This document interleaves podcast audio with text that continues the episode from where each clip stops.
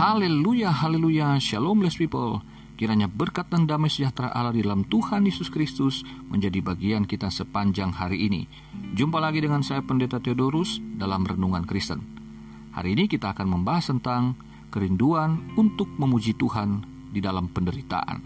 Mungkinkah firman Tuhan terambil dari Mazmur 137 ayat 1 sampai 3. Sebaiknya saudara baca sendiri satu pasal secara utuh. Begini firman Tuhan di tepi sungai-sungai Babel, di sanalah kita duduk sambil menangis apabila kita mengingat Sion. Pada pohon-pohon ganda rusa di tempat itu, kita menggantungkan kecapi kita, sebab di sanalah orang-orang yang menawan kita meminta kepada kita memperdengarkan nyanyian, dan orang-orang yang menyiksa kita meminta nyanyian sukacita. Nyanyikanlah bagi kami nyanyian dari Sion. Bless people, ini adalah sebuah ratapan dari orang Israel ketika mengingat penderitaan mereka di Babel sebagai bangsa yang tertawan, bangsa yang kalah dan dipermalukan, dan itu memang sebuah konsekuensi yang harus Israel tanggung akibat ketidaksetiaan mereka kepada Tuhan. Lalu dikatakan mereka semakin terpukul ketika orang-orang Babel meminta mereka untuk menyanyikan puji-pujian dari Sion. Katakan, nyanyikan bagi kami nyanyian dari Sion, nyanyian sukacita. Bagaimana mungkin bisa menyanyikan sebuah kidung sukacita? Yang ada mereka sedang berduka cita. Karena tidaklah mungkin mereka menggunakan alat-alat musik yang ditetapkan Tuhan itu kudus di tempat yang tidak kudus. Di luar Yerusalem, maka tidak ada yang dinyatakan layak untuk dijadikan sebagai bait Allah. Karena pada waktu itu Israel hanya diizinkan diperbolehkan membangun bait Allah di Yerusalem. Itu ketetapan Tuhan. Jadi bagi Israel yang terbuang ini, yang tertawan ini, mereka merasa bahwa sebuah penghinaan ketika mereka diminta untuk menyanyikan lagu-lagu sukacita.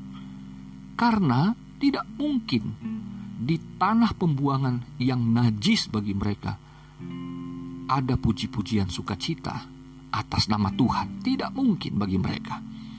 Itu sebabnya mereka merasa tidak berguna. Tidak mungkin menyanyikan pujian itu di negeri asing di ayat 4 dan menjadi tidak berguna di ayat 5 dan ayat 6. Apa pun keahlian mereka, rasanya tidak berguna karena nggak bisa dipakai selain di Yerusalem.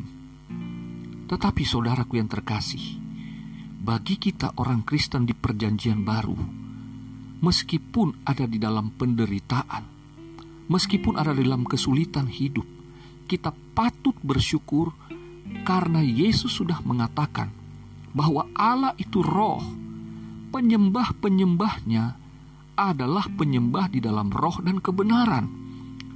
Karena Allah itu roh, dia tidak terbatas roh dan waktu maka para penyembah-penyembahnya di perjanjian baru tentu tidak memerlukan suatu fasilitas yang permanen yang ditetapkan dikhususkan hanya di suatu tempat.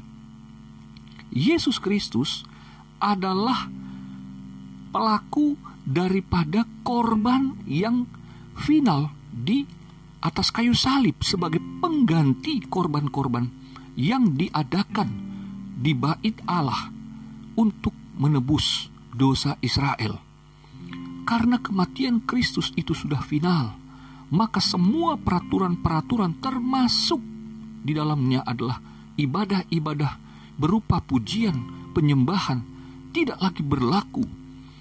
Di perjanjian baru, setiap umat yang telah percaya kepada Allah di dalam Kristus, semua dapat memuji Tuhan di mana saja dan kapan saja dalam segala hal, dalam segala situasi, kita diizinkan di segala waktu dan kondisi, pujian pengagungan dan ucapan syukur tidak dapat dibatasi karena kita umat yang telah ditebus.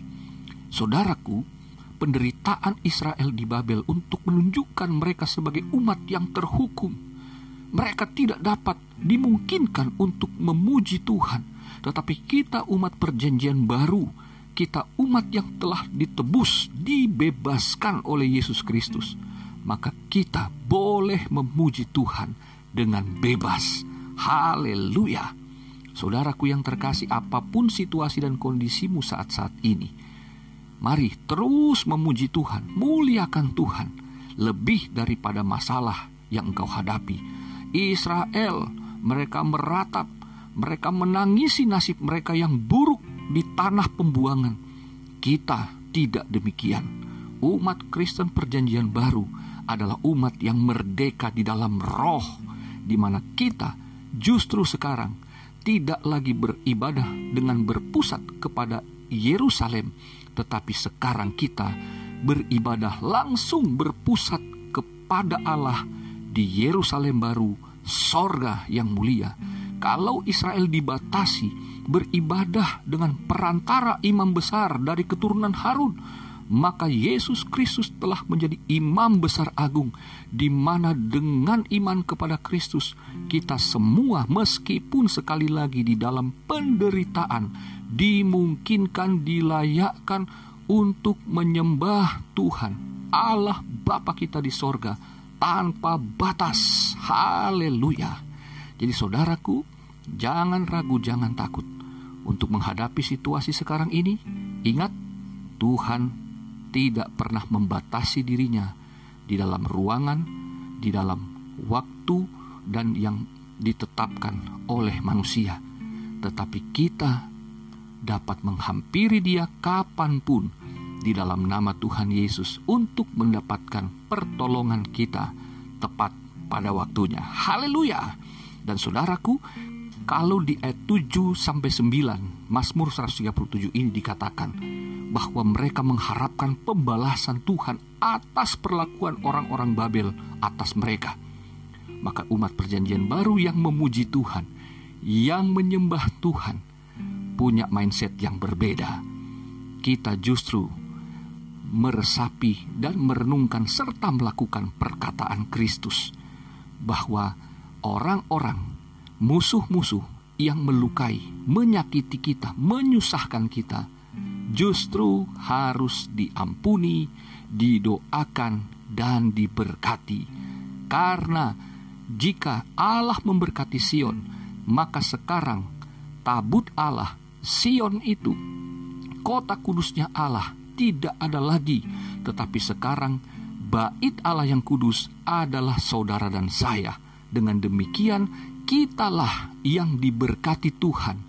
Dari Sion Allah memberkati, berarti dari hidup saudara dan saya, Allah akan memberkati orang-orang, termasuk para musuh kita, untuk menolong dan menyelamatkan orang-orang yang disebut musuh, karena kita bukan meminta pembalasan, tetapi kita meminta, memohon pengampunan dan keselamatan bagi mereka. Selamat menjalani aktivitas kita sepanjang hari ini Tuhan Yesus memberkatimu. Haleluya, bless people.